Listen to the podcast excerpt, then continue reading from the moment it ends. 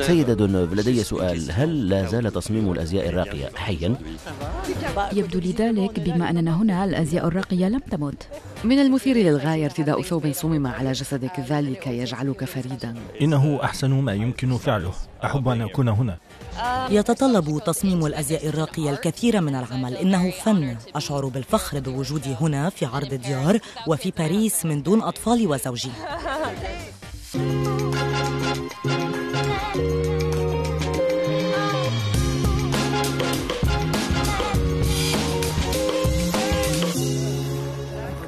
يشهد تصميم الأزياء الراقية ازدهارا غير مسبوق. بعد لوي فيتون تعد دار ديور للأزياء الراقية أهم العلامات التجارية التي يمتلكها الرائد العالمي في مجال العلامات المترفة LVMH لكن إضافة لكونها قوة اقتصادية هل تمثل الأزياء الراقية قوة فنية أيضاً؟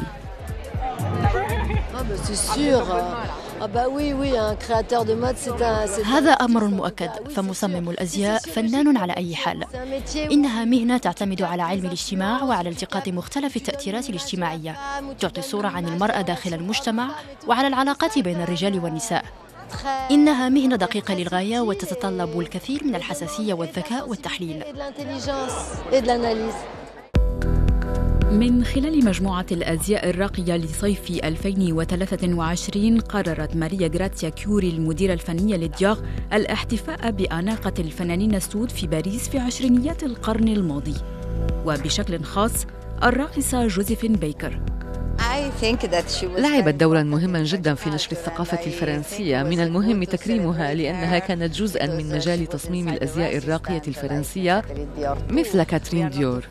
يجب أن لا ننسى أنها كانت زبونة حقيقية وأنها كانت تقصد دور الأزياء الباريسية لشراء ملابسها. وعندما تعود إلى نيويورك تأخذ معها الأزياء الراقية الرائعة. لقد روجت بطريقة ما لتصاميم الأزياء الفرنسية في الولايات المتحدة. لهذا من المهم للغاية أن نشيد بها Franco in USA. So I think it's important to celebrate her. لقد كان وقتا مهما جدا بالنسبة للموضة. تتغير صورة جسد المرأة. نتخلى عن الكورسي إنها لحظة ثورية. يجب أن لا ننسى أن باريس في عشرينيات القرن الماضي كانت مركزا للإبداع. كان الفنانون يأتون من جميع أنحاء العالم إلى باريس حيث يمكنهم التعبير بحرية عن رؤيتهم للعالم. إنها لحظة مفصلية في تاريخ الموضة. أحب هذه الفترة. كان آخر تعاون لي مع ديور وهو التعاون المفضل لدي في حفل Met في نيويورك عندما احتفلت ماريا غراسيا بجوزيفين بيكر. لذا فإن حضور عرض الأزياء هذا يعني فهم جميع المؤثرات من جوزيفين بيكر إلى نينا سيمون مرورا بأول عارضات الأزياء. إنها مجموعة رائعة كرمت هذا التراث. جوزيفين بيكر هل هي رسالة اجتماعية أو سياسية حتى؟ بالتأكيد لأنها رسالة خالدة. إنه إرث أناس مثل جيمس بالدوين إنهم ليسوا فقط فنانين أحبوا فرنسا والحرية التي كانت توفرها لهم. هم أيضا شخصيات مؤثرة خاطروا بحياتهم للدفاع عن الحق.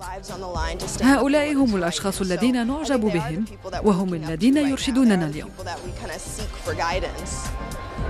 نعم يمكنني العودة غدا إلى عشرينيات القرن الماضي. والآن بعيدا عن عروض الأزياء المحمومة هنا يحتفى بالتصاميم الراقية غير الربحية. أوليفي سياق وهو مؤرخ وأمين سابق لمتاحف الأزياء والمدير الحالي لمؤسسة عز الدين علي يكتب ويطور عروض الموضة والفن. عرضه الخامس في إطار دورة مودا بوفيرا أو الموضة الفقيرة يحمل عنوان ملابس روني. Prenez ma mère روني هي والدتي توفيت في فترة الكورونا ولكن ليس بسبب الكوفيد. كانت في سن متقدمة جدا. وجدنا أنفسنا إخوتي وأنا في ذلك الوضع الذي نمر به عندما نرث ملابس شخص متوف. لكن قلت في نفسي لقد كنت أمينا ومديرا لمتاحف الأزياء وقمت بعمل قوائم جرد لجميع الفساتين في العالم من القرن الثامن عشر حتى يومنا هذا. من غير الممكن ألا أفعل شيئا بملابس أمي. لذلك وضعت كل ملابسها في صناديق. وفي يوم خطرت لي هذه الفكرة وبدأت العمل على مشروع مودا بوفيرا للعمل على الملابس من لا شيء. قلت في نفسي علي أن أفعل ذلك مع ملابس أمي ومع هذا المشروع لم يعد هناك أي غموض في مودا بوفيرا. نمارس الموضة مثل ما نكتب القصائد لكن ليس لدينا ما نبيعه وأنا سعيد بذلك.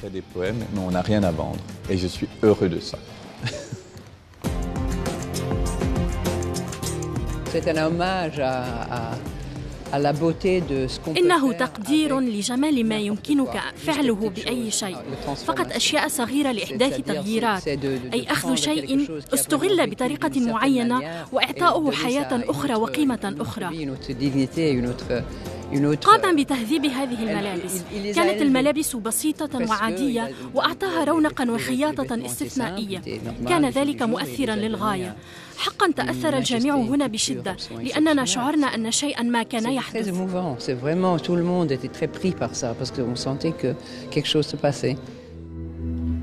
تم تغيير جميع ملابس غوني من خلال تقنيات تصميم الأزياء الراقية أصبحت مناديلها قفازات رقيقة. غوني كانت سائقة تاكسي.